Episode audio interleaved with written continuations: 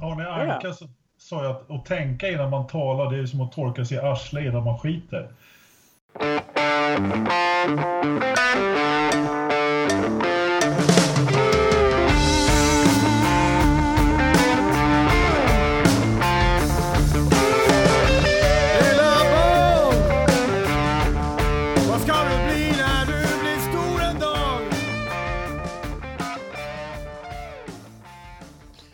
Välkomna till Forza Motorsport-poddens avsnitt nummer 15 som efter mycket om och men ändå är igång för att prata ner Italiens GP.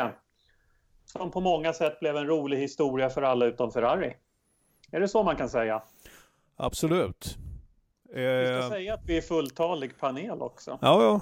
Men det var vi väl sist också, så att det var en fullkomligt onödig information jag, jag delgav alla lyssnare. Ja, precis. Men eh, jag tänkte, du syftade lite grann på det lilla inlägg jag gjorde på i vår lilla chatt häromdagen alltså. Det, jag tyckte det var lite lustigt. Jag läser ju inte dina inlägg, så, men vi säger Nej, så det. Ja. Nej, men, eh, för jag tittar, när jag tittar igenom resultatlistan så kan jag konstatera att det fanns bara tre förare som hade anledning att vara nöjda efter helgen. Och det var ju Hamilton och eh, Stroll samt Sirotkin. Övriga deltagare hade mest någonting att vara missnöjda med. Ja. Och eh, jag kan gå igenom dem jävligt snabbt här. Räikkönen, besviken över andra platsen naturligtvis. Bottas över att han eh, blev fullständigt frånåkt och eh, eh, ja, har han inte förstått innan racet att han är en wingman så borde han, ha förstå det, borde han ju förstå det nu efteråt. Kan jag flika in någonting där om att, eh, såg väl att Toto sa igår någonting om att han inte gillar teamorder och de drar sig för att implementera det och de har inte gjort det än.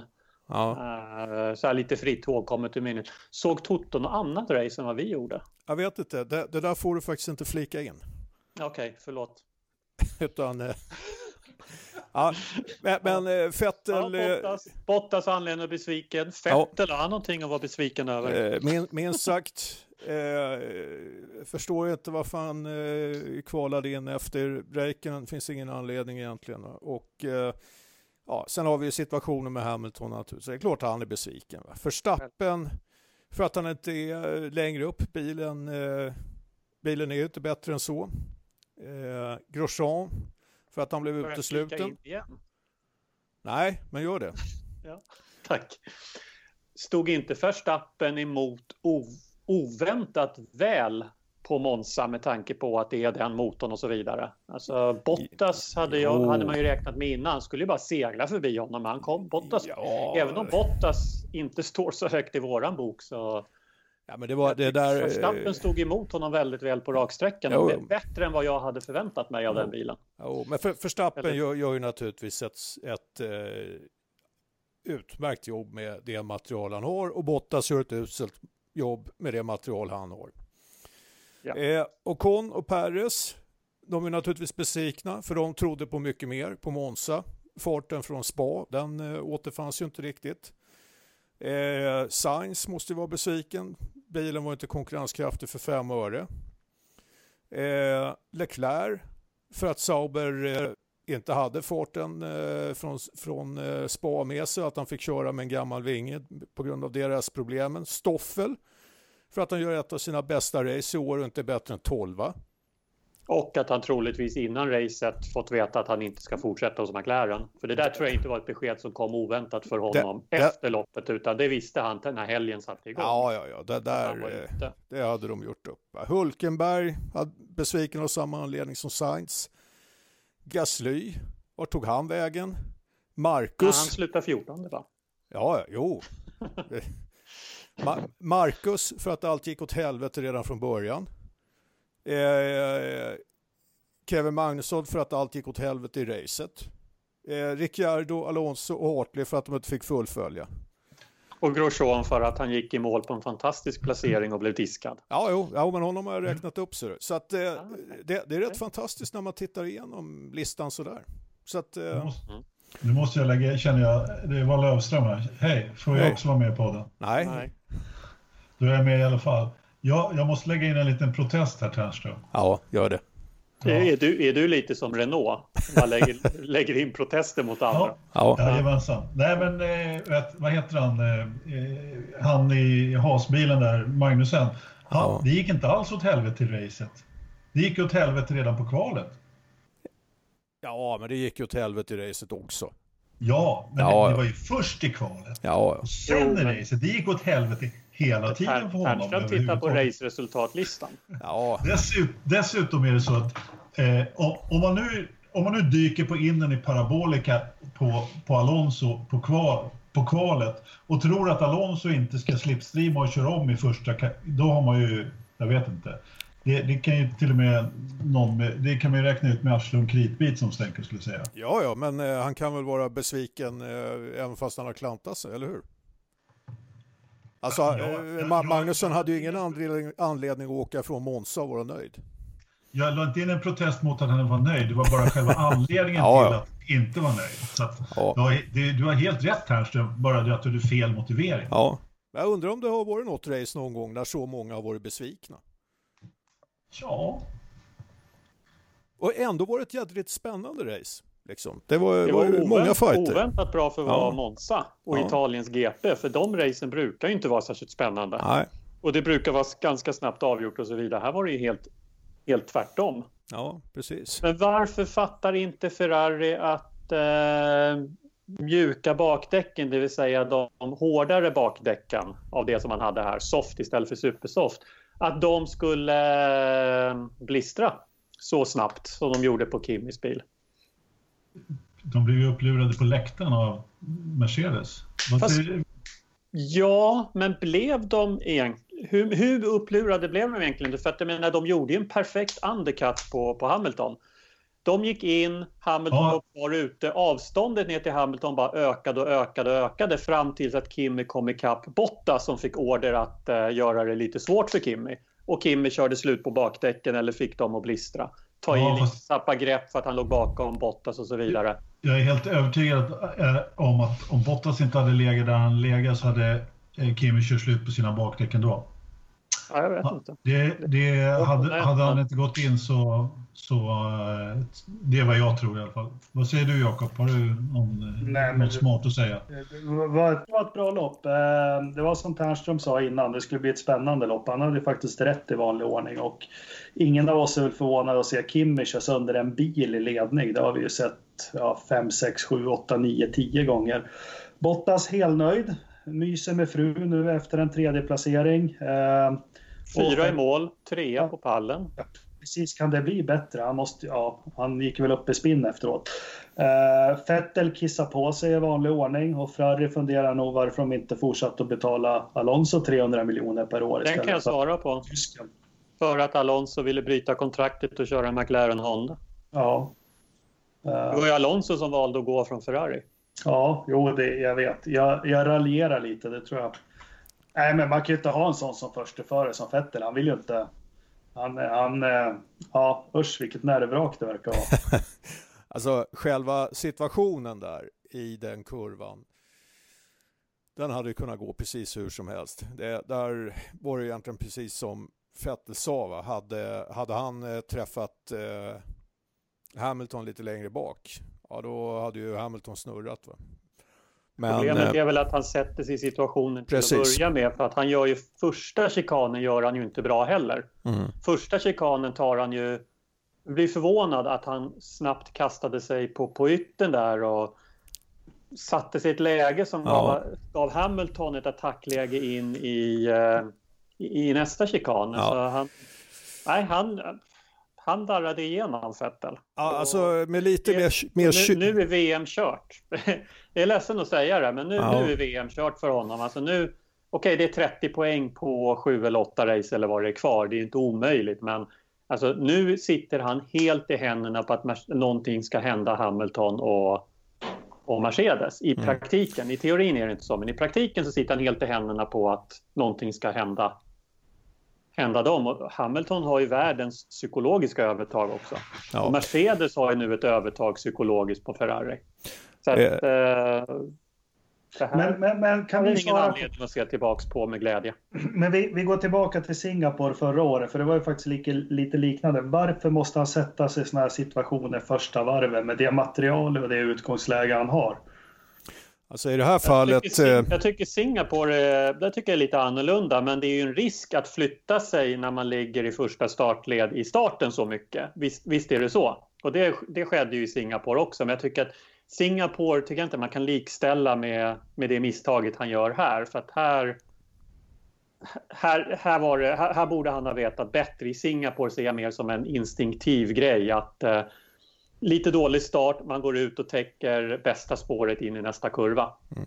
Med, med, lite mer eh, kyla här så kan det till och med vara så att han, han borde ha gett upp placeringen i andra chikanen eh, och försökt att ta eh, Hamilton på, på eh, raka mm. ner mot Ascari till exempel.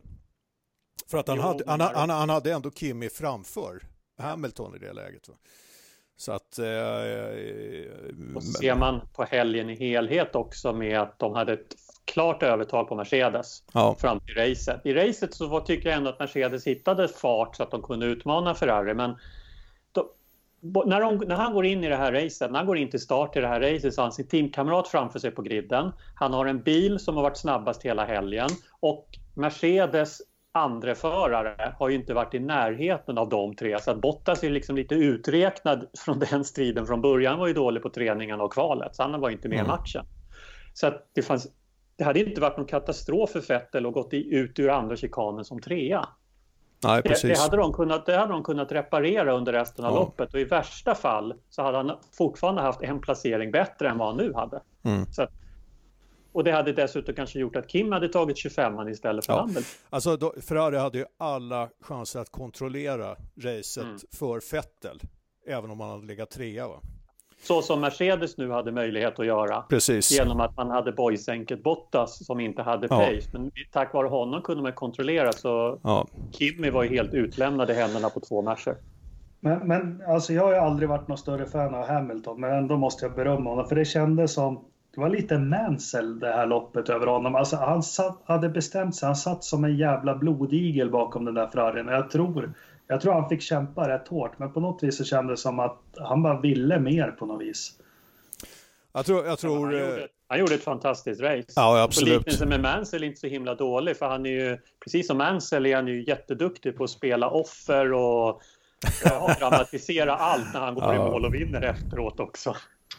Jag, jag tror att eh, det är svårt att vilja vinna mer än Kim i en Ferrari faktiskt på Monza möjligt att Hamilton eh, ville väldigt mycket också, men eh, jag, jag är helt övertygad om att Ferrari gjorde ett antal taktiska missar och det var där, och Ferrari för den delen gjorde väldigt taktiskt bra ifrån sig. Sen körde inte Lewis långsamt. Han såg ju dessutom ut att ha nästan bättre fart, men hade bara Ferrari skött sina kort väl så hade de ju eh, tagit hem det där, precis som ni har varit inne på båda två. Nu viftar både Ola och Ternström. Vem ska ta över? behöver du inte kommentera Anders. ja, men, eh, om jag säger så här, eh, visst det fanns säkert eh, alternativa strategier för eh, Ferrari, men eh, eh, vad är det som säger att Mercedes inte hade kunnat kontra på de strategierna?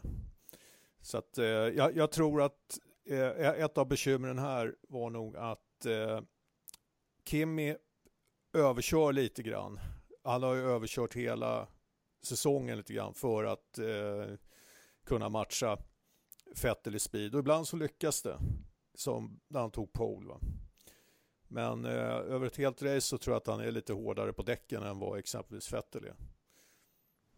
Sen vet inte om ni reagerade på det, men i omstarten som var eh, efter säkerhetsbilen så tappade Kimi Hamilton. Nu lyckades han ju reparera det en kurva senare med en mm. väldigt bra omkörningsmanöver. Men vad är det med Kimi och starter och omstarter? Ja, alltså han sitter ju jämst och sover ja. i, när det är Safety Car omstarter. Ja, men nu, nu, nu sover han när, han när han är den som kontrollerar starten. Vi har ju sett hur Hamilton och Vettel agerat i omstarterna. De kanske tar kanske lite väl över gränsen, men de ser ju till att de har sin ledning genom att kontrollera fältet, störa fältet. Kimmy, han börjar gasa. Han börjar gasa så att Hamilton får världens bästa slipstream. Vad... Ja, dessutom så han, gjorde han inte det, så han gasade på först och eh, dessutom eh, vet du, släppte av lite grann. Och sen ja, gasade han, gasade upp, mm. han gasade upp max till någon slags halvfart och låg kvar ja. i den. Jättekonstigt så att Hamilton fick ju häng genom parabolika. Alltså det gick inte tillräckligt fort genom parabolik. Eh, men jag har ju läst Kimmys bok nu så jag förstår mycket väl varför han... Jag kan recensera den lite senare. Men var, just att... var han bakis menar du? Nej, han har ju inga problem att sova. Det är det boken går ut Supa och sova. Så fort det går in i något slags halvläge då knoppar han bara till. Även, även om man ligger i 80 km i timmen bakom en säkerhetsbil, då knoppar han till va? Det är han och Lövström. Ja. ja. Fast faktum är att eh, apropå sova på läktaren sådär, eller på läktaren. Jag var ju då på plats på Monza och eh, det är faktiskt lite svårt att få till en tupplur under ett Formel 1-lopp. Det, det, trots att det inte är V12 och V10 nu för tiden så låter det fortfarande ganska mycket faktiskt. Men men eh, min kamrat Christian då, som inte lyssnar på den här podden, så honom kan jag prata lite, lite illa om. Han eh, lyckades faktiskt somna under kvalet på en sån här jävla plåtläktare. Det är du! ja, det, då är man hjälte. Ja, det var bra jobbat. Han har till och med somnat eh, du, bakom läktaren en gång när vi skulle gå upp och kolla på loppet. Då fick jag väcka honom en kvart innan loppet. Han låg och sov där i parken. Så han är, han är verkligen, han och Kim är mästare på att knoppa in faktiskt. Men det vill kanske föregå lite, men sen jag läste den här boken här nu förra veckan, jag ummar ju enormt för Kim efter det. Jag kan ju vara lite sarkastisk mot honom, men Kim är min nya idol. Kim är bilförstöraren Räikkönen. Ja. Jo, ja. men det, ja, det ligger väl i deras kynne, va, Ternström? Du var ju i Finland i helgen och berättade. Det var två startande till Formel Ford-racet där i Finland och så vart det en startkrasch. Ja, vi kan säga så här då. Eh, det kanske inte var helt med sanningen överensstämmande. Startfälten var inte stora i Finland. Så att, eh, Kolla aldrig en bra story. Nej, exakt. Hörrni, har vi något att säga om Bottas då? Alltså, det var ju, det var ju en, en klassisk Bottas på alla vis. Han var inte bra någonstans någon gång. Det enda, han, det enda han gjorde bra i helgen var att han inte blev störd över att vara en wingman efteråt. Han hade i alla fall tillräckligt mycket självinsikt för att fatta vad han hade för roll. Och han har för roll. Ja, oerhört blek insats. Jag har bestämt mig för att inte kommentera honom mer. Han är säkert jätteglad och han har köpt en ny Lammhultströja han kan gå omkring med och mysa. jag, jag, kan kommentera. Det enda bra han gjorde på helgen var ju i alla fall att, att störa, störa Verstappen så han fick till en eh, eh fem sekunder för honom så att han eh, gjorde en av sina sedvanliga vingelmanövringar i inbromsningen. Så att fick han, eh, Efter att han har försökt köra om Verstappen i 370 varv utan att lyckas. Ja, ungefär. Det var också en liten överdrift. Men... Nej, det tycker jag inte. ja. Ja, nej, men... Ja, det är ett under han inte kunde komma om Verstappen. Mm. Jaha, han hade väl 70 kilometer mer i, i, i toppfart. Han kunde inte ta sig om ändå. Nej, men det, det var faktiskt riktigt, riktigt dåligt. Alltså det här... Eh, Tror ni att Toto ångrar, eller han har redan varit ute och snurrat i pressen lite, Toto, om att nu tycker han att det är dags att ha trebilsteam i, i Formel 1 för det är så svårt att placera sina juniorer någonstans. Oh. Eh, men tror ni att Toto utöver att han är han är dum, eh, säger jag, eh, ångrar att han har signat Bottas. Ja, men skulle vilja ha Ocon istället. Här. Lite så måste det nästan vara. Och, och, och, det är väl därför han vill ha en tredje bil så att eh, han kan plocka in Ocon där. För att eh, Bottas prestation är ju inte i den är ju inte nivå. Alltså e, enda anledningen till att Mercedes hade nytta av honom den här gången var ju att han var så jävla långsam. Mm. Ja, exakt. Ja. men, men, men, så, men så, det, det, är ju inte så man vill ha det liksom som, som teamchef. Men uppenbarligen så kan det vara bra att ha någon som är långsam också. Han gjorde ju sitt jobb jättebra. Jo då, men... Eh, långsam. Men man vill... Ja. Det är vågad strategi höll jag på att säga. Vi, vi tar någon riktigt jäkla långsamt så han kan ligga och hindra de andra när de andra har gått i depå och kommer mm. ut igen. Men då kan man riskera att vara så himla långsam så man inte ens är snabb nog för att hindra dem. Det är en balansakt det där. Ja, men tänk, tänk om det här ska, ja, nu går det inte att flytta i tiden, men vår nationalikon Ronny Pettersson ledde så skulle typ Gustav Malja komma och liksom stoppa honom. För det, ja, nej. Han kan du, inte vara... du, du menar att Bottas inte kommer att bli årets idrottsman i Finland? Nej, det har jag svårt att tänka mig. Uh, nej, men jag tycker det, det, det är väl klart han ångrar sig, Toto. Det är väl klart han ångrar sig. Det, alltså så, han är, det är en smart kille, Toto. Det är klart han ångrar sig. Liksom om man tagit fan i båten, då får man ro den i land också, som min svärmor sa när jag träffade min tjej. Alltså det går ju att sänka båten och simma i land. ja. Man har tagit eh, baddaren och abborren ja. och vad simborgarmärkena heter.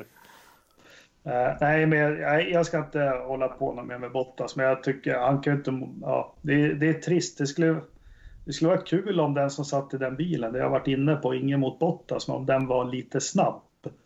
Uh, Alltså så man kunde ha fyra bilar som racear lite och varje lopp. Men, ja. Man hade ju det för två år sedan med Nico Rosberg, men ja. det, det var ju inte bra på andra sätt. Nej, det är svårt det där. Vi, fick en, eh, vi pratade om STCC för ett par lopp sen med anledning av att team protesterar andra team och blir diskade och sådär. Och vi hade ju en likadan situation här. Eh, Haas blev diskade, Roman Grosjean blev diskad från sin, vad var det, femte plats han gick i mål, sexa, femma? Sexa sexa. Och eh, Fia och Haas visste ju om att golvet som de körde med i Italien inte var tillåtet. Eh, men att de körde under förutsättning att ingen la en protest, vilket Renault såklart gjorde eftersom eh, det gav Renault tillbaks platsen i konstruktörsmästerskapet. Mm. Så där fick vi också en bekräftelse på att det, det funkar så även i, i Formel 1 att eh, bilarna kan komma till start och till och med veta om att de inte är reglementsenliga, men att det är okej okay att köra. Och så får man se om någon deltagare lägger in en protest och då tittar man på det. Det är lite märkligt det där. Kan man tycka. Alltså om jag förstod det i det här fallet så efter Kanadas GP gick det ut ett direktiv till teamen och framförallt till Haas men till flera team att eh, man skulle göra de här ändringarna på golvet och de ändringarna skulle vara genomförda till Italiens GP. Och att Haas hade bett att få anstånd för de hann inte med att göra det för de är helt beroende av underleverantörer, de kan inte göra det själva. Mm. Och de ville ha anstånd till Singapore eftersom de inte hann göra det innan F1 stängde för sommaren. Sen var det väl något missförstånd där Haas trodde sig ha fått ett anstånd men inte fick det. Och Fia sa att ja, kör ni med det här golvet då får ni räkna med att om någon protesterar så kommer ju protesten att gå igenom. Och det mm. var ju det som skedde. Ja, i Haas, eh, för Haas fanns ju inte så mycket annat än att köra naturligtvis. Så att... Eh, de, har, eh, de har kastat bort lite poäng i år, Haas. Ja, det har de gjort. De hade väl varit klar fyra vid det här laget om de hade... De har inte kastat bort lite poäng, de har kastat bort massor med poäng. Grosjean har kastat bort många poäng. Ja. Ja, så men det började redan, började redan i Australien med att de tapp, kastade bort poäng genom att tappa bort däcken. Ja, jo, jo. Det var ju massor med poäng redan där. Men även om, eh, även om Haas nu blev diskade, vi här, här kan väl räkna med att om Magnusson nu inte hade hållit på att bråka med Alonso och eh, köra in i Perez så hade ju han tagit poäng också och eh, förmodligen så hade ju protesten lagts mot honom också då. Mm. Om han hade tagit mm. poäng där. Mm. Va, va, har ni något att säga om situationen med Perez? Den, vilken situation tänkte du på? När han kör in i honom. När Press och Magnusen krockar på första varvet. Nej, inte mer än att det var ju en stökig... Var det Magnusen som hade varit ute och genat i chikanen innan och kom tillbaks på banan? Och... Ja, och Perez dyker ja. på innen och så ja. trycker och så Magnusen han... till.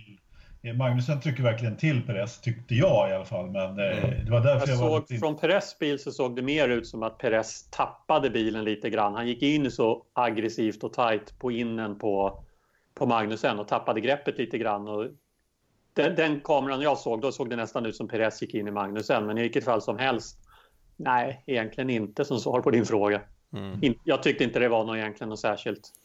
Det här är onödigt att köra ihop, men ja. det, gick ju, det gick ju relativt bra ändå. Ja, leder ju lite grann in på, på den här incidenten mellan eh, Bottas och, och, och eh, Verstappen. Där det delades ut en bestraffning efterhand. Nu vart det väl ingenting mellan Magn Magnusson och Perez. Va? Men, men eh, eh, den här diskussionen, vems fel var eller skulle liksom eh, någonstans känner jag att det blir alldeles för mycket sånt snack. Mm. Eh, de, de, måste ju få, de måste få tävla mot varandra. Mm. Alltså, vad är det man vill ha? En fullständigt eh, eh, steril racing där, där ingen kommer i kontakt med varandra. Jag, jag vet inte, jag vill, jag vill, se förarna slåss mot varandra liksom och då får det liksom ryka delar ibland. Va? Det är, och sen får de bli förbannade och någon får tycka att det var den andres fel. Det, det kan man göra men, eh, men eh, jag eh, har lite svårt att se behovet av alla dessa bestraffningar som man delar ut. Mm. Jag tycker att eh, bestraffningarna kommer ner lite grann faktiskt eh, den senaste tiden. Man har väl sagt att man inte ska bestraffa speciellt mm. mycket. Sen gillar ju inte jag de här fem sekunderna. Jag tycker de är ja. återigen helt hopplösa. Eh, det är det värsta straff jag vet. Men i fallet på Monza så var det ju ganska solklart att Verstappen tryckte ut Bottas. Han hade ingenstans att vara. Eh, och då är det mm. helt enkelt en bestraffning. De, de har inget val annat än att ge honom en fem sekunder. Han, han, han hade, Bottas var ute, hade varit ute på gräset och Förstappen trycker ut honom. Ja, ja. Jag tycker det är, det är en, Fast... Men däremot så är det ju så att i väldigt många race-situationer så, så väljer man ju numera att fria mer än att, att fälla skulle jag säga. Tycker jag har sett ganska många exempel på. Just det här mm. fallet så, jag tyckte det var så solklar det verkligen kan bli. Fast jag tycker nog, jag håller nog inte riktigt med där. Jag tycker nog att de, de kan göra en sak, de kan låta bli. De kan låta bli utreda och kan låta bli att fälla för. Alltså, det finns inget som att bara för att de har bestraffat liknande incidenter tidigare så finns det ingenting som säger att de måste fortsätta göra det. Nej, men det jag håller nog regel... med Fernström lite grann om att... Eh, Nej, men det finns en regel som säger att man måste lämna en bilbredd på banan och, och, och, och börjar de inte bestraffa den, då, då, då blir, kan det bli lite för mycket vingel, Pellar. Jag kan ja, men... tycka, gå ut och säg vi tar bort den regeln nu. Låt förarna ta hand om det där själva. Jag, jag tycker nog att jag kommer till en punkt där man utreder för mycket och även om man kanske friar en hel del så är det väldigt mycket utreda. Sen finns det en straffskala som går allt ifrån ett ajabaja slå på fingrarna till licenspoäng till 5 sekunders straff till 10 sekunders straff och så vidare. Så man har ju alla man har skaffat sig själv alla möjligheter att i stort sett bestraffa allting. För man kan alltid ge en reprimand eller man kan alltid ge fem sekunders tidstillägg. Mm. det, blir, det blir lite för mycket. Jag kan, Nascar för några år sedan, de införde, nu ska vi inte dra någon likhelse i övrigt med Nascar för det är en helt annan form av racing, men de införde ju att vi delar ut färre bestraffningar, låt förarna sköta det där själva. I några, ett par race så blev det väldigt stökigt och bökigt, men sen snabbt sorterade förarna ut det där själva och satte sina egna informella regler om vad som är rätt och vad som är fel. Och det blev väldigt clean racing av det. Ja, precis. Och, det finns förare som vill ha kontakt med en annan förare i en formelbil. Nej, men det, det, är ju det som är grejen lite grann. Och sen kan jag hålla med dig, alltså lite mer Nascar-stuk, slagsmål i depån. Eh, jag skulle gärna se lite mer av den varan, va? Där, där liksom hela Force India går ner till eh, till eh, Williams och, och eh, hoppa på Meckar och, och Sirotkin och hela gänget. Va? En riktig holmgång alltså. Ja, men, man, man, har ju, man har ju ett jävligt bra verktyg i de här licensstraffpoängen. Eh, jag tycker att man kan låta en hel del incidenter vara, men eh, i det här fallet så håller jag ju med om att jag tycker att det var, det var eh, Förstappen, Förstappen gjorde ju ett fel här. Eh, helt klart. Men det hade lika gärna kunnat vara han som hade åkt dit på det naturligtvis. Eh, för det finns ingen som kan garantera vad som händer vid en sammanstötning. Eh, men eh, istället för att hålla på med de här fem sekunderna, det, man hade kunnat gett honom några poäng på, på, den här, eh, på licensen istället.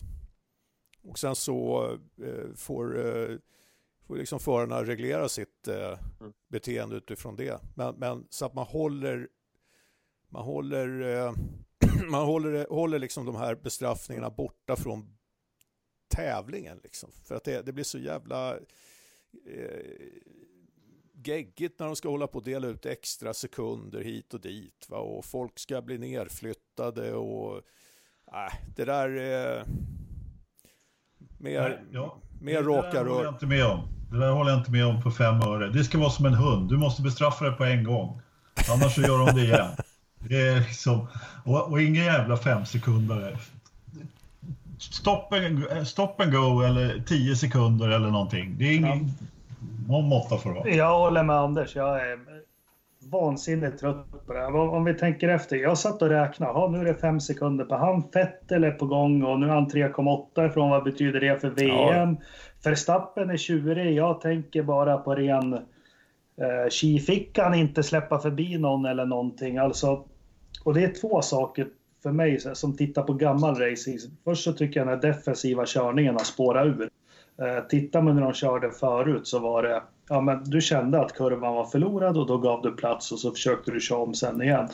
Eh, sen så gillar inte jag det här med, ja men som du säger Anders, alltså direkt är en förseelse, svart flagg, in i depån, pang bom, tjing tjong. Jag hatar när det kommer upp skyltar i tv som Hamilton och Vettel nu att det är under, ja, under utredning vad som har hänt. Och det står mm. ingenting heller att ni får ett svar om ett eller två varv eller någonting. Det kan komma när som helst.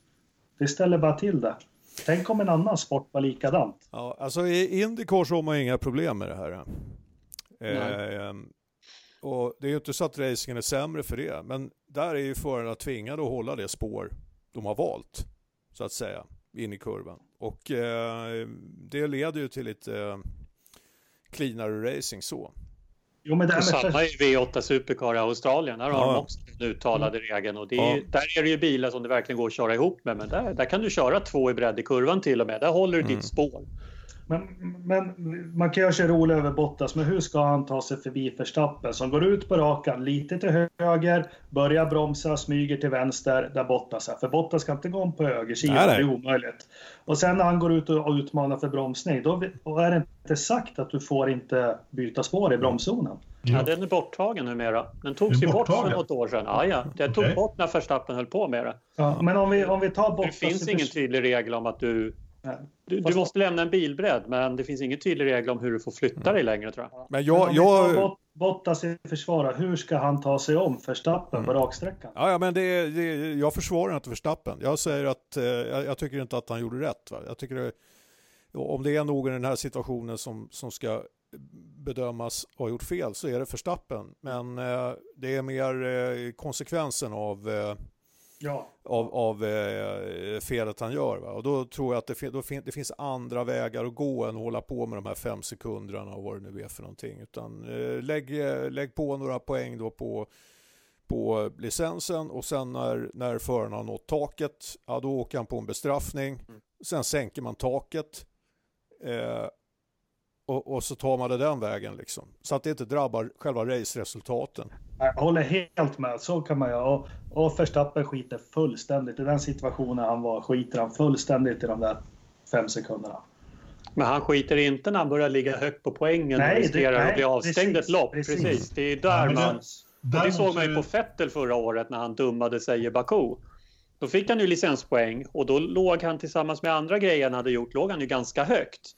Så då fick, han ju, då fick han ju lugna ner sig för att eh, hade han råkat ställa till med någon grej till eller två som gav licenspoäng då hade han fått stå över ett race och det, det är dyrbart. Ja, fast problemet med, det, med den bestraffningsdelen, vi behöver inte kanske snurra in mer i det, men, men jag skulle bara vilja säga att jag gillar inte den bestraffningstekniken. Jag gillar att man använder den också.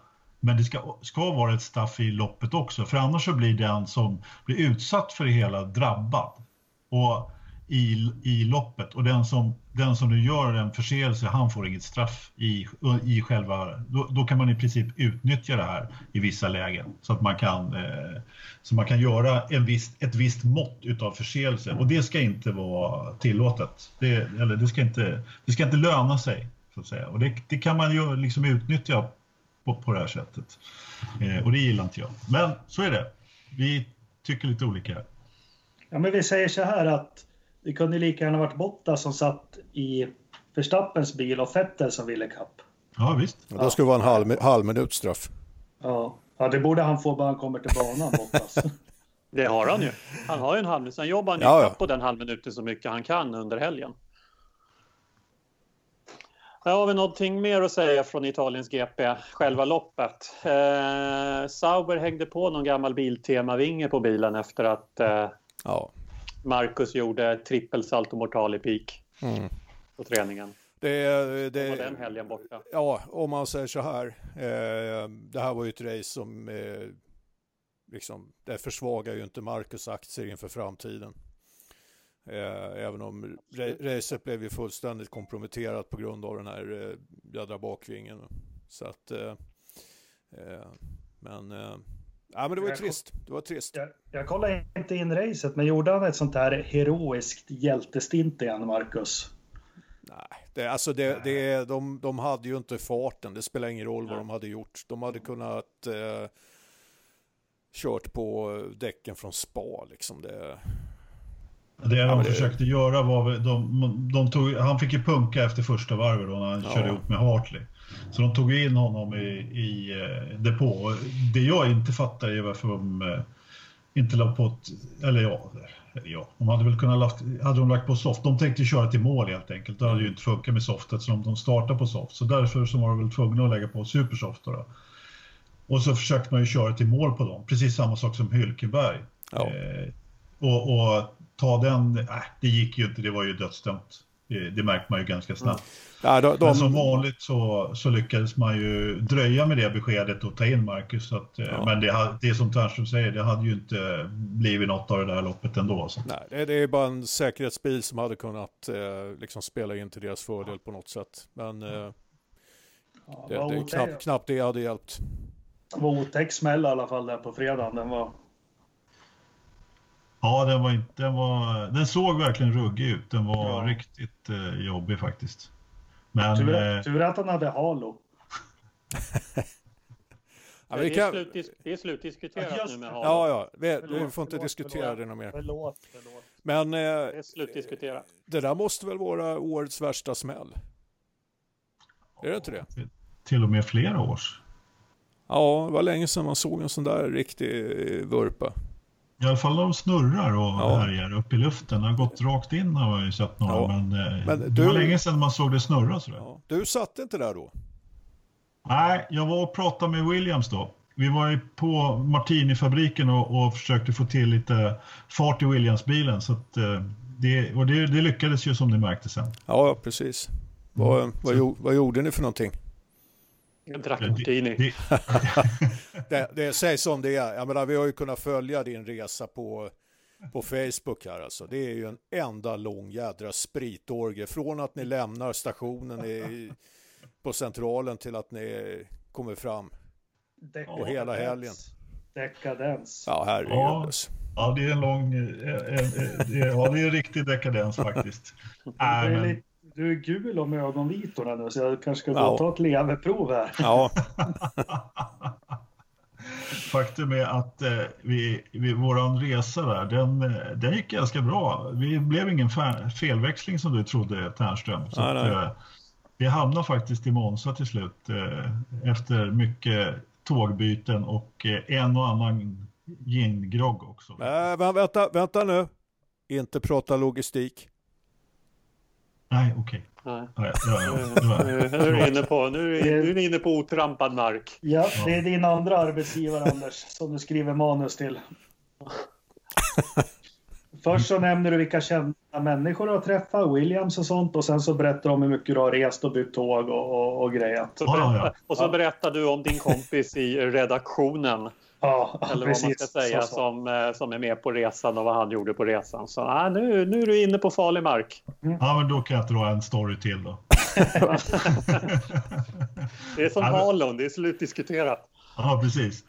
Vi, vi lyckades få en bra skjuts in på banan med Nico Rosbergs chaffis i alla fall. Det var, det var helgens höjdpunkt måste jag säga. Det var Oj. trevligt att, att slippa gå en halv mil från eh, genom halva parken och få lite ordning. Men på ja, det med den alkoholhalten ni hade i er. det är liksom, den halvmilen hade ju lätt blivit en och en halv Nu var det här på förmiddagen så det var inte så farligt faktiskt. Du har inte fattat att ni blev lobbade. Det var ju en sex timmars ni fick. Det var ju en polisbil. ja, lite så var det. Eh, men, eh, men nu kom jag av mig bara därför. Nej, men jag ville prata om Williams. Var fan fick de fart ifrån? Förutom mitt besök i Martinifabriken då. Nej, men det var, alltså, här var det väl faktiskt lite så att eh, det, det gick väl dåligt för alla andra, var det inte så? Det gick dåligt inga... för alla andra om man behöver ingen downforce på... Ja, inga, inga kurvor. Inga kurvor och alla andra hade dålig helg. Då, då kan det bli en poäng eller två. Mm. Ja, och så några som blev diskade. Ja. ja. Ja, dessutom. Jo, men de vart ju av med några som brukar komma in före där också. Alonso och Hartley och... Ja, det är sant. Vem var det, det mer som försvann? Ja, Magnusson försvann ju också. Ja, Grosjean blev diskad, Ricciardo försvann, ja. Magnussen. Ja, Alonso. Men eh, det är ju som du brukar säga Anders, alltså, de eh, gjorde ju sitt jobb. Va? Ja, de gjorde ju det. Ja, så Nej, det, var, det var ju bra. De hade, hade mer fart även på lördag, men Stroll ja. gick ju till Q3 till och med. Så att, eh, jag tyckte ja. ändå att de hade lite, men det, är som, det kan ju vara så att mm. avsaknaden av kur, ordentliga kurvor på Monza, det finns egentligen bara en. Jo, men, men, eh, förra du... året som Stroll kvalade in trea i, på Monza i regnet. Ja, just det. Ja. Men eh, det var ju så också att eh, även Renault fick väl köra med en suboptimerad eh, bakvinge. De hade väl också ja. problem där. Va? Så att eh, eh både Sauber och eh, var ju komprometterade av, av, av, sina bakvingar. sen var det också så i och med kraschen så fick ju inte alla team heller köra några riktigt långa stintar i FP2. Så att det var nog inte alla som hittade riktigt rätt. Och eh, Williams, eh, eh, om man säger så här, om någonting avviker från det normala i det teamet så är det till det bättre. Och det kanske var en sån helg. Jag kan inte glömma att Renault kör ju också med en suboptimerad motor. Sitter en ja. Renault i den där bilen. Precis. Um, om vi tittar ut, utöver det övriga då, så händer det lite på förarmarknaden igen. Mm. Eh, efter helgen så fick vi veta att Stoffel eh, får lämna McLaren efter den här säsongen och sen tog det inte många minuter förrän McLaren bekräftade att Lando Norris kliver in och debuterar i Formel 1 för McLaren eh, till nästa år. Vad sa du? De debuterar eller debiterar? debuterar. Okay. Jag tror faktiskt att han debuterar McLaren för det där. Det har han gjort i några säsonger nu. Ja. Det är McLaren som har fått stå för fiolerna för mm. den unge Norris framfart genom klasserna. Mm. Så det betyder nu att McLaren går från Alonso van Dorn till Sainz och Norris för 2019. Det var ingen större skräll direkt. Nej, Norris det var väl inte det. Nej. Jag vet inte. sägs det ju att de hade fram till sista september på ja. att eh, plocka in F1 annars så tappar de Norris. Mm. Eh, då var Norris fri att gå utanför McLaren. Så att det var väl... Ja. Och McLaren har också sagt efteråt att det var Ocons Mercedes-koppling som gjorde att de tvekade och till slut inte tog Ocon också. Mm. Han var, det var väl, eh, jag, vet inte om, jag vet inte hur het Van Dorn var på den där platsen, men det känns som att han var ute i leken redan tidigare.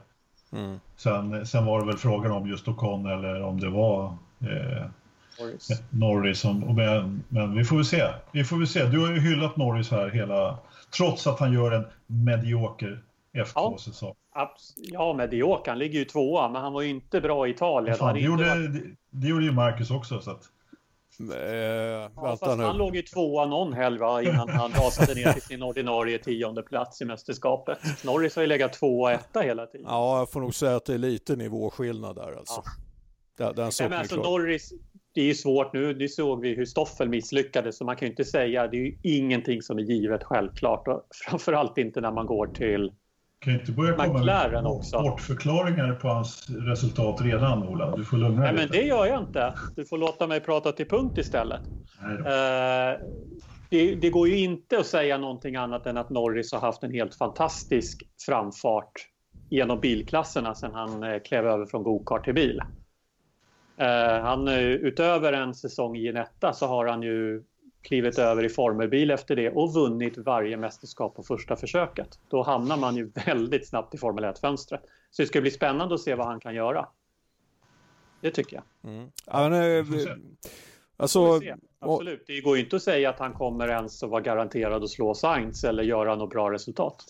Full, fullt förståeligt tycker jag att eh, McLaren tar in Norris, men eh, jag vet inte om det var det optimala valet just nu utan det, man, man var tvungen att, att plocka in honom. Jag tror till exempel att eh, eh, Sainz och Perez eh, hade nog kanske varit eh, ett stabilare par i den situation som McLaren befinner sig i.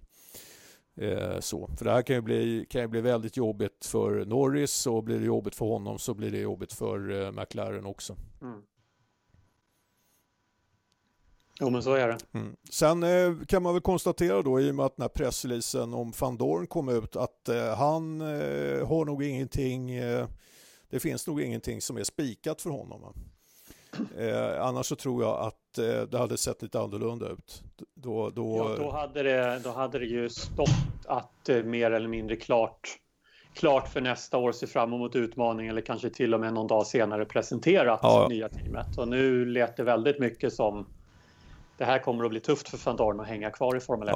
Ja. Vilket är jättesynd, för van Dorn är också en fantastisk talang, men ja, det gäller att leverera när man kommer in. Eh, så är det ju. Det är... Ha rätt timing och rätt sätt att komma in på. Ja, det, det, vi, sig, det vi inte vet och förmodligen ingen annan heller är, är ju eh, om, man fick, om man verkligen fick chansen att leverera i McLaren så illa som teamet har funkat. Ja. Nej, men så är det. Mm. Det verkar också som att han inte är lika aktuell för Sauber som det gjordes gällande för några veckor sedan. Man kan väl konstatera att eh, snacket om eh, Marcus i Sauber, det har ju... Eh, det känns som att det börjar luta lite mer åt att Marcus blir kvar där. Det är bara frågan om var, var, var Leclerc tar vägen, om det blir... Om han försvinner eller om det blir eh, Giovanazzi som eh, sätter sig i Sauberna. Men om det blir Giovanazzi, kommer han få Leclercs, den här bra motorn då? vad har hänt det, vad hänt med det snacket? Ja. Nej, men det är väl uppenbart att Leclerc har en maskerad, Sauber-maskerad Ferrari-bil och en hyperdyper-motor. Absolut. Mm. Ja. Eller så är vi bara ironiska nu. Nej, jag tycker silly season är svårt. Det börjar spåra ur här nu. Det, usch, det är... Ja, jag måste säga att det har pipit iväg. Alltså. Ja, det har pipit ja, iväg. Det händer grejer. Nästa stora grej är väl egentligen vad, vad, vad som ska hända med Ocon. Det finns ju jättemycket grejer kvar i silly season, men den stora kretsen nu, det är väl egentligen vad händer med Ocon. Mm. Han vad ska blir, de göra med honom? blir barnflicka hemma hos Toto och Susi i ett år. Han var sån här au pair. Jobbat som au pair ett år. Ja. Ja. Har eh, Mercedes kvar några intressen i DTM eller?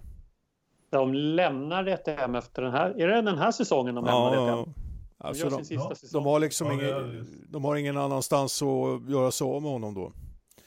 Det ska ju vara GT då. Eller Formel E, eftersom de kliver in i Formel E. Men mm. det är ju inte... Nej, men det är ju ett testår för Mercedes. Det är att köra, köra lite tre, fredagsträningar istället för Bottas. Mm. Hänga i simulatorn och eh, kliva in 2020 istället. Ja. I, I Ocons perspektiv så finns det ju ingenting att vinna på att köra någonting annat. Nej. Indy. Indy.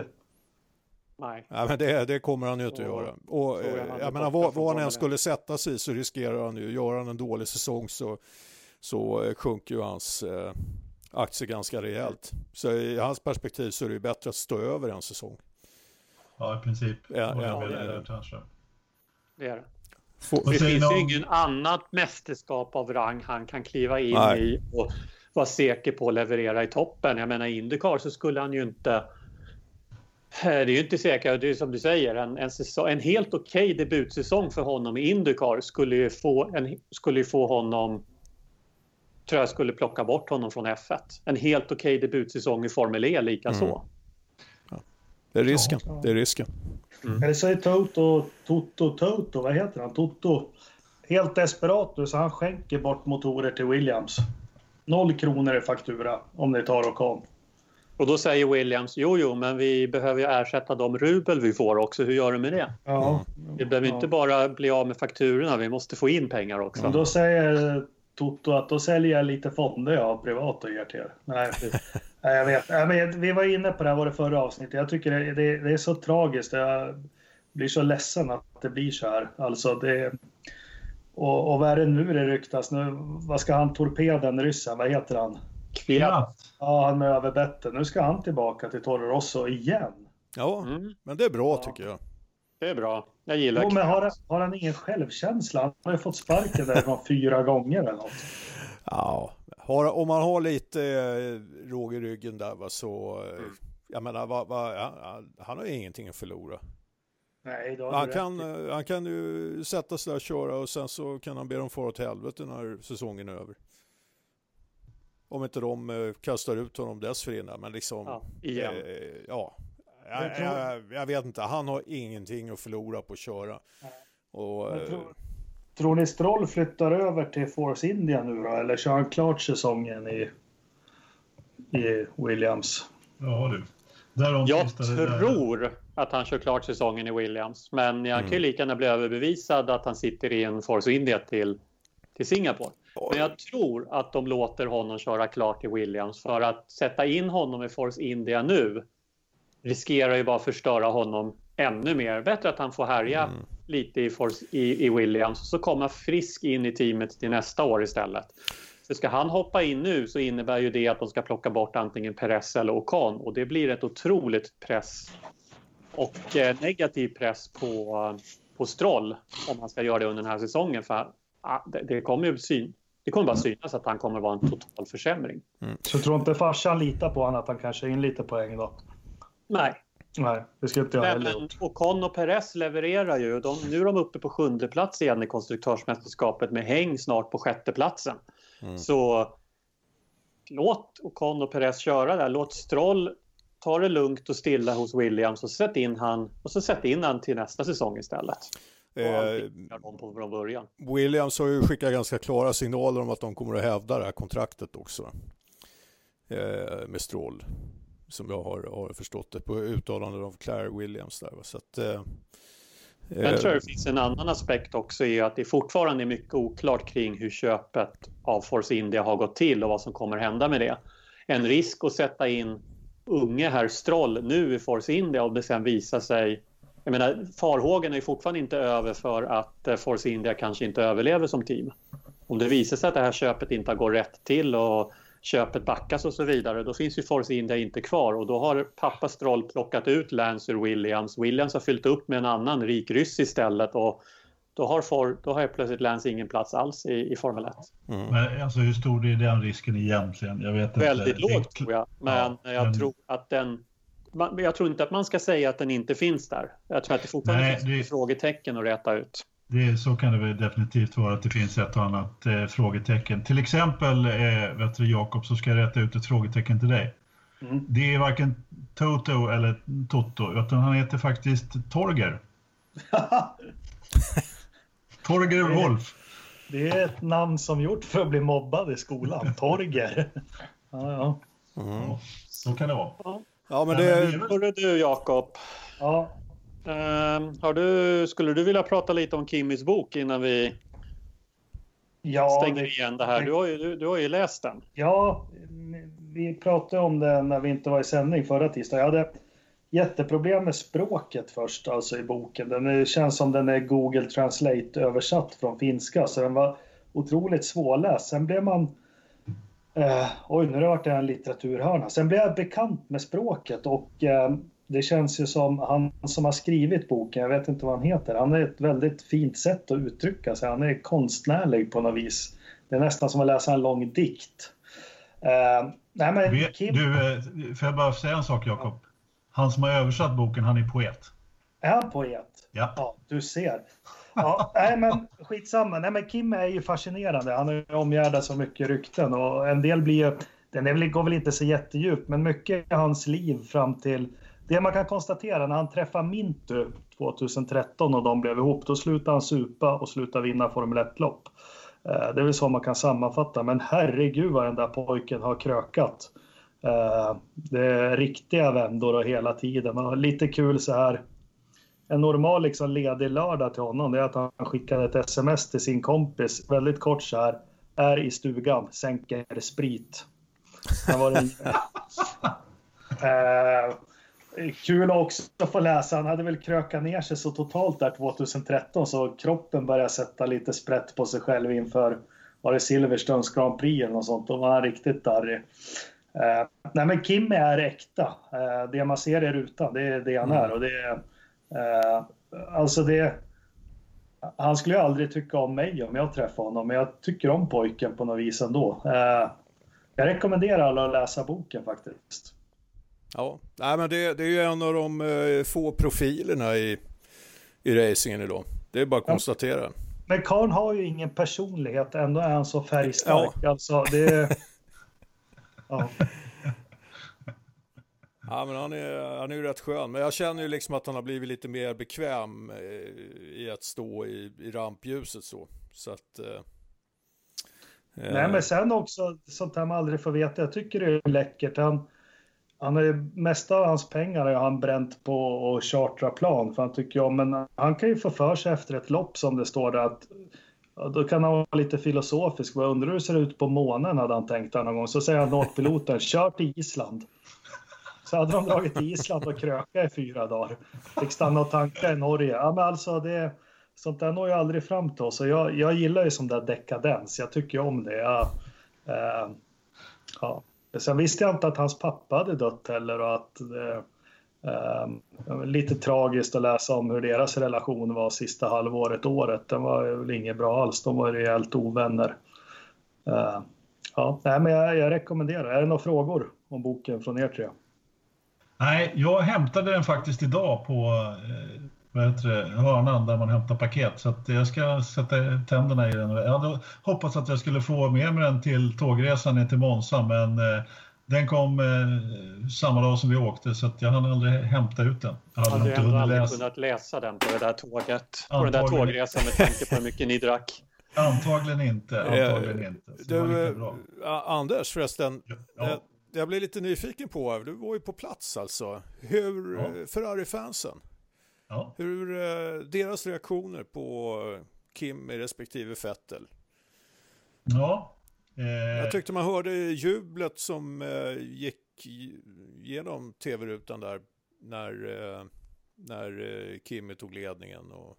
Oh ja, det gjorde det definitivt. Alltså de, det, det, ska man ju ha klart för sig att det spelar ju ingen roll vem som kör den där jäkla röda bilen. bara personen i fråga vinner och leder. Sen är det många som gillar Kimi som är, har blivit Ferrari-fans. Det var ju samma sak på, på Schumachers tid.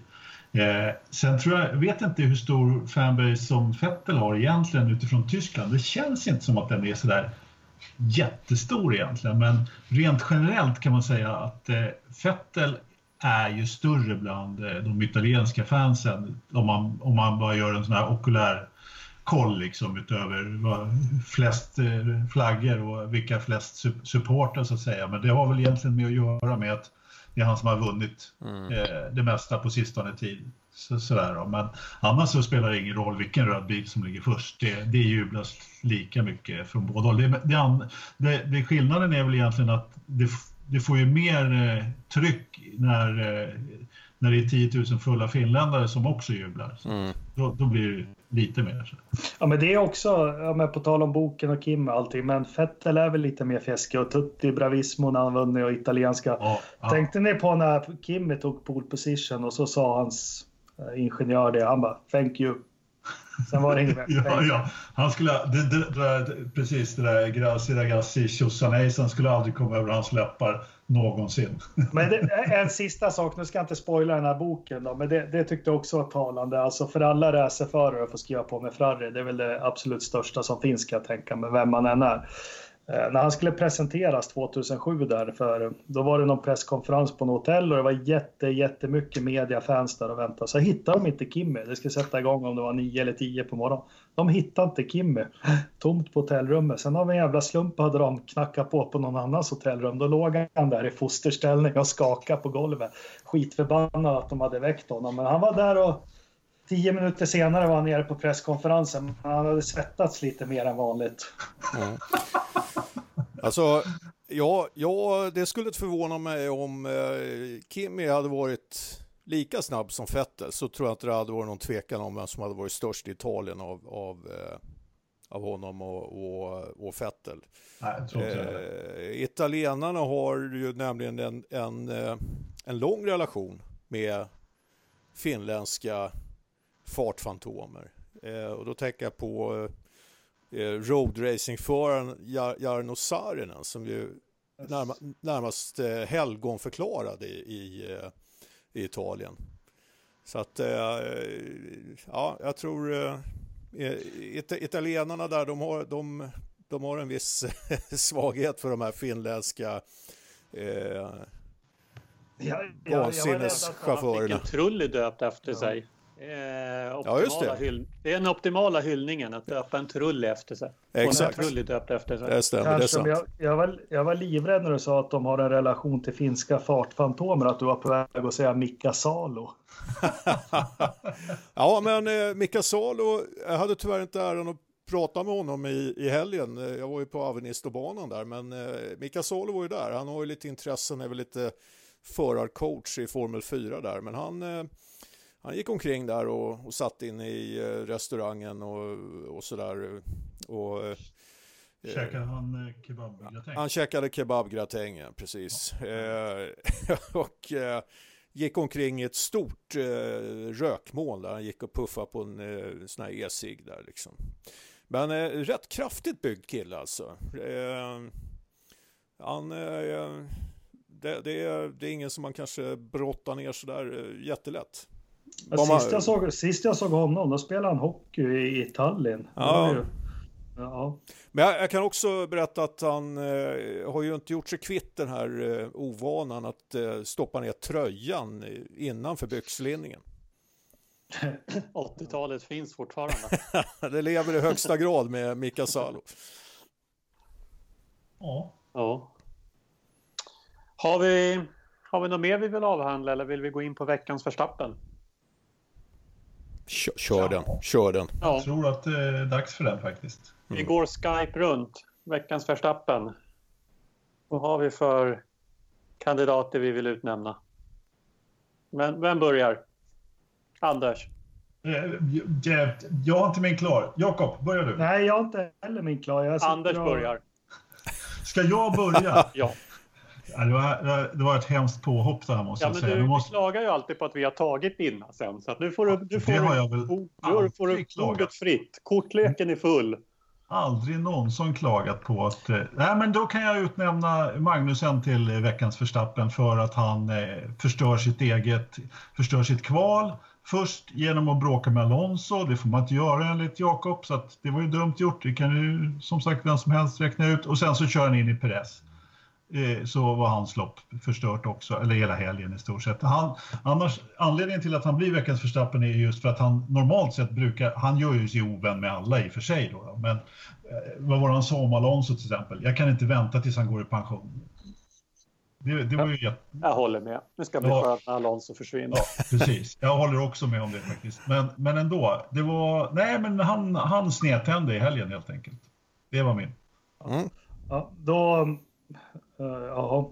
Jag säger Annie Lööf, för hon är så jävla jobbig. oh. Motorsportpodden blev en valpodd. Ja, men, men eh, det, fin ja, det, det finns en koppling där för att jag eh, såg nämligen att Annie Lööf har varit inne i en, eh, i en tråd. Ja. Janne, Janne Flash Nilssons tråd. och gjort något inlägg där. Va? Så att vi har en liten svag koppling. Vi, vi, kan släppa bomben nu. Jan Flash Nilsson kommer att bli riksdagskandidat i nästa val för Centerpartiet. Är det sant? Nej, vi släppte den nu. Vi skapar den nu. Det är så, det är så, här, det är så, här, det är så här man skapar grejer, Jakob. Ja. Och man kollar aldrig upp en, en bra story heller. Va? Nej, nej. Så vi har Annie Lööf och vi har Kevin Magnussen. Det är ett nordiskt tema än så länge. Mm. Har, har, du någonting Ternström? Jo då, absolut. Jag har uh, DRS-vingen. Utnämner ja. jag. Det blir, det blir ja. uh, helgens det, förstappen. Det borde vara en stående veckans förstappen ja, sen DRS en, ja. en, en gång i tiden här, uh, här håller man på och, och inför en, en hal och det ska vara så jävla viktigt med säkerheten. Men så har man ett sånt här system som eh, kollapsar och skickar in en förare i, rakt in i, i räcket i 300 km i timmen. Eh, jag gillar ju inte DRSen eh, ens när den fungerar. Så att, eh, för, min del, för min del är det ett jävla skitpåhitt. vara stående. Veckans förstappen ska bli en veckans DRS istället. Ja. Ja, ja Ola då? Du måste ju ha en Ola. Jo, jag vet. De självklara har vi redan avhandlat. Fettel och Bottas. Och så känns det lite elakt att utnämna Räikkönen, men jag, tror, jag säger Räikkönen ändå, för här var hans chans att vinna. Mm. Här var det, här hade han det alltihopa. Han sover i omstarten, han kör sönder bakdäck och alltså, det här var hans chans att vinna sitt race till slut. Han kunde ha gjort det på, i Monza. Så att, eh, nej, äh, Kimmy. Ja, När, när, närmare så här... Räikkönen, det här skulle... Alltså vad Fettel gör är, det är bara dumt. Det är bara dumt rakt igenom. Han borde vara min veckans förstappen. Uh, ja, men jag köper din Ola. Jag, jag tänker att det borde finnas någon på läktaren som skriker till Kimmy som de skrek till Lundell när han blev nykter. Börja sup igen Kimmy. ja, någonting måste han göra. Att, uh, det, här, det här var ju chansen för honom att vinna. Alltså, och har man kört så länge som han har gjort, och liksom startar i pool, har det paceövertaget och alltihopa. Det här är, det här är en 25 poängare man ska plocka hem bara. Han får väl helt enkelt be Fetter att köra in i, i muren i nästa lopp i Singapore så kommer det ut en säkerhetsbil. Så, så brukar ju Jakobs favorit göra, så kan han kanske ta segern där istället. Alonso, vin, Alonso vinner i Singapore. Stoffel Stoffel går i muren och ordnar en säkerhetsbil så Alonso vinner med löftet om att McLaren ska göra allt de kan för att ordna en bra styrning åt Stoffel nästa år om man bara sätter bilen i muren. Ja, men på tal om favoriter då, nu kommer ni bli arga, men jag vill ge ett hedersomnämnande till eh, Pontus Vedlund som är medlem på Forsa Motorsport på Facebook för att han tog upp en liten diskussion och utbildade oss där i, i ämnet Nelson Piquet, en av de bästa och coolaste Formel 1-förarna någonsin. Tack Pontus! Varför skulle vi bli arga på det? För? Att jag bryter in från schemat här nu, från kanten. Vilket jävla schema! Men du vet... Du vet... Jag har skickat ut något den här Nej, gången. det skulle komma på torsdag. Ja, men ja, då så. Men, Pontus Edlund, tack! Ja. Och vilken fantastisk bild du har hittat på Piquet. Eh, alla som har följt oss sedan avsnitt ett vet att Piqué är min första och största idol inom Formel 1. Mm. Det, bästa med. Ja, det, det, bästa jag gillar med den, det var ju just att han hade stavat, eh, det, jag kände faktiskt inte till att han stavat medvetet fel på namnet på hjälmen bara för att hans farsa inte skulle få reda på att han körde racerbil. Fast den är inte sann heller, men Här, vi tar okay. ett annat avsnitt. Ja. Kolla aldrig en bra story. Nej, nej.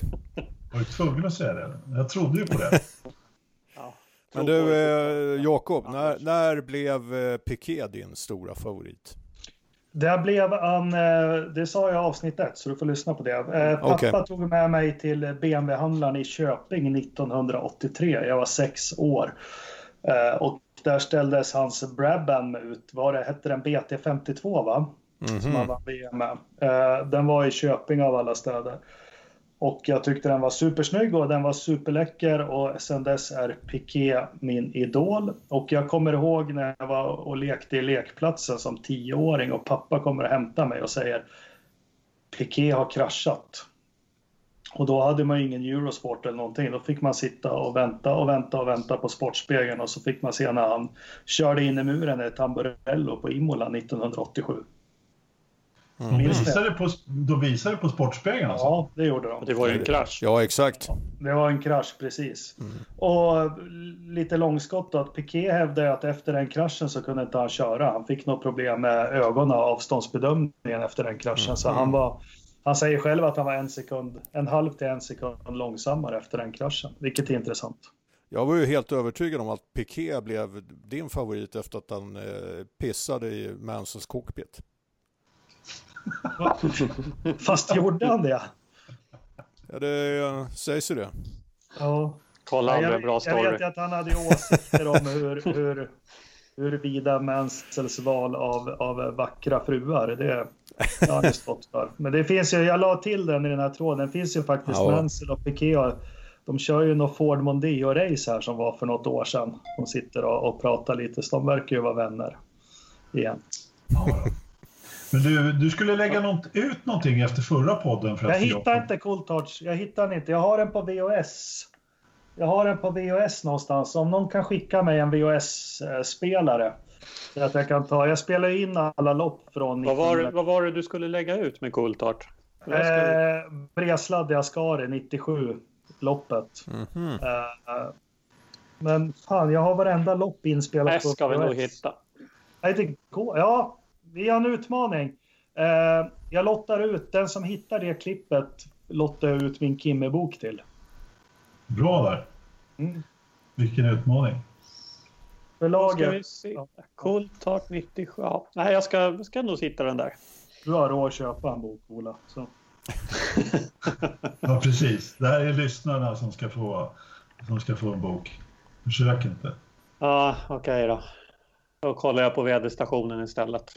Ja, men ska, vi inte, ska vi inte snacka lite om Nej. loppet som kom till helgen, eller? Nej. Är det, är det lopp i helgen? Nu får du väl lugna ner Anders. Det är väl inte i Singapore helgen heller? Nej, då är det nästa helg då. Helgen ja. efter.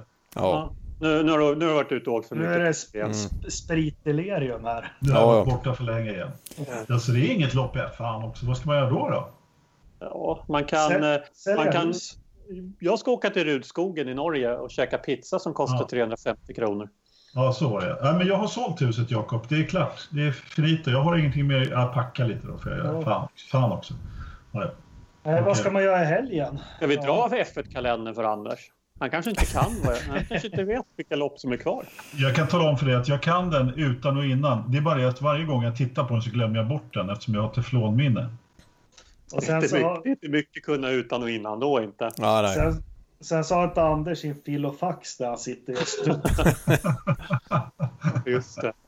Med klistermärken från Autosport han kunde sätta in. hade du den? Hade du den Ola? Prenumerant på Autosport. Då fick man de här klistermärkena ja, inför varje säsong. Landets flagga. Ja, exakt. Fan vad häftigt. Oh, ja. Jag ska leta upp den. Den har jag på vinden, den filofaxen. Ja, det är Singapore, 16 september, Anders. Då kan du titta oh, oh, oh. Singapore från Marina Bay. Och vi kanske hinner spela in ett avsnitt innan dess så vi kan prata om hur Alonso vann Singapores GP efter att Nelson Piquet Junior kraschade in i muren. Kan ja. Jag, jag, hade fått för mig att det var Ryssland efter Italien också, så att, eh, ja, jag har ingen aning på min kalender. Ryssland kommer efter Italien, Anders. Du behöver inte vara orolig. De har inte kört Ryssland än. Nej, Nej jag de kör Singapore emellan bara. De kör Singapore emellan, precis. Och sen ja. då? Och sen är det Japan, sen är det USA, sen är det Mexiko, sen är det Brasilien och sen är det Abu Dhabi. Och sen det aldrig slut eller? Nej, nej, nej. Uh, sen Anders, sen kan du börja fundera på vad du verkligen ska göra. Ja, verkligen. Det ska, det ska jag göra. Nej, ta, ta fram vädret nu så slutar ja. vi med det här dumheten. Ja, det är soligt uppe i Grövelsjön hörni. Men det har Oj. regnat idag. Det har regnat 1,55 millimeter mm. Just nu så är det sol där uppe. Just det, jag måste bara berätta en sak om väderstationen. Jag hittade en väderstation uppe på en jävla bergstopp i Italien vid någon, vid någon damm också.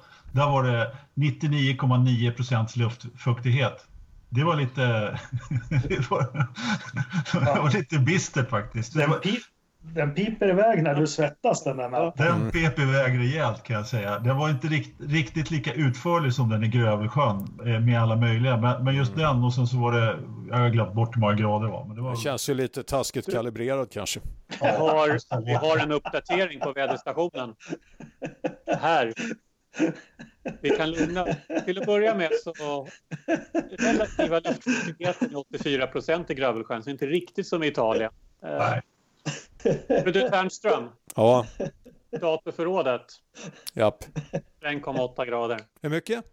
21,8 grader. Ja, sjunker. Alltså kan det, vara, kan, kan, kan det vara så att någon server har gått ner eller? Nej, nej, nej. Jag har en uppdatering på den. För Pastis har bloggat. Ja. Nej. Jo, och blogginlägget det senaste heter Väderstationen okej. Okay. Och det var en switch som gick sönder efter åskan tidigare i sommar. Mm. Men både serven och väderstationen klarar sig.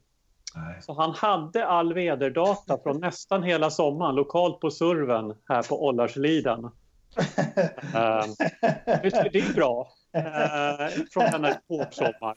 Ja. Han har bytt switch nu och då fick hans lokala server kontakt med internet och uppdaterade automatiskt hans server i Holland med alla väderdata. Så att jag mm. menar, vi, eh, här snackar vi en internation vi, vi pratar Lilla Grövelsjön, men vi har, ja, en, vi har en server i Holland den kommunicerar med.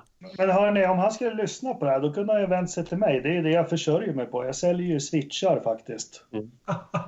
Eller A ASR heter de. Eller okay. Du har fått ett affärsupplägg här, Jakob. Du kan ja, ta upp till Grövelsjön. Om, om, har du någon åsksäkrad switch så Nej, finns de det en marknad för det i Grövelsjön.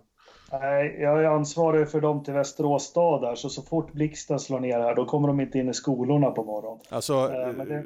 Ola, om man nu säljer switchar, Precis. Då, ser man ju, då ser man ju helst att eh, de brinner upp när blixten slår ner, så man får sälja nya.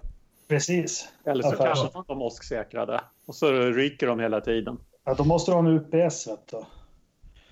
Men du Ternström, hur fan kalibrerar man en väderstation? Du var... ja, men det är, jag vet faktiskt inte riktigt hur man gör det där, men, men det kändes som att den där var lite off i Italien. 99,9. Alltså det, den, det, satt den ner, var den nersänkt i sjön där eller? Ja, tvärtom, den var, stod högst upp på dammen. Ja. 60-70 meter upp i luften där. Vi, ja, och det var dåligt med, men jag kan säga att det, det duggade ju lite grann, vilket det i och för sig gjorde, det ja. gjorde på Monza faktiskt hela helgen. På fredagen så regnade det ju ganska ordentligt där under, och, och, både här och där och sen på, på lördag förmiddagen då, då drog det också ner lite regn både här och där. Det duggade faktiskt under loppet. Så det kan ju ha varit därför som eh, ja, ja. någon snurrade både här och där. Men, så det var lite blött rent generellt i Italien kan man säga, både på utsidan och insidan. Ja, det måste vara, måste vara den här, eh, det måste vara klimatet här, klimatförändringarna. Antagligen. Vi har ju fått en fråga på Facebook varför vi pratar om det här vädret och då kan vi väl bara hänvisa till avsnitt ett så har ni förklaringen. Ja. Ja, det är väl bra. Alla måste gå den långa hårda vägen för att få reda på varför. Ja, vi måste få... Det finns, inga, finns inga gratis luncher här i livet. Nej, nej, utan eh, vi, vi måste få lyssningar på men om vi skulle lägga ut en länk till den här värdestationen, har Pastis kapacitet så han kan ta emot alla besök då? Ja, men det, det, det skulle vara... Han, han har en ny switch nu. Så mm. att, eh, och den kommunicerar väl med Holland, så att jag tror, ja. Men jag, tror, jag tycker vi gör så här, va? Vi, vi gör ett inlägg på Forza med länk till väderstationen och så boostar vi det för tusen spänn. Ja. Och, eh, och sen så kollar vi om temperaturen i datorrummet stiger. Ja! Självklart. Och så ja. tvingar alla som är med och delar det. De som inte delar det på sin ja, ja. sida stänger Anders-Ola av. Mm. exakt. Absolut. Vi kan behöva stänga av lite folk. Det var länge sedan vi gjorde det. Ja, för tusen. Ja. Fan, den verkar dåligt kalibrerad den där. ja. Tack. Ja. Tack. Anders, Ja, det är Singapore, inte nästa helg. Inte nu i helgen, utan nästa helg. Jag får gå och rösta då, fan också. Ja, ja. gå och rösta. Varför då? Istället. Får göra det. Ja, det kan man fråga sig. Uppmanar alla att inte rösta. Så kan du diskutera det med Jakob sen. jag, ska, jag ska göra det. Ja. Hej, hej.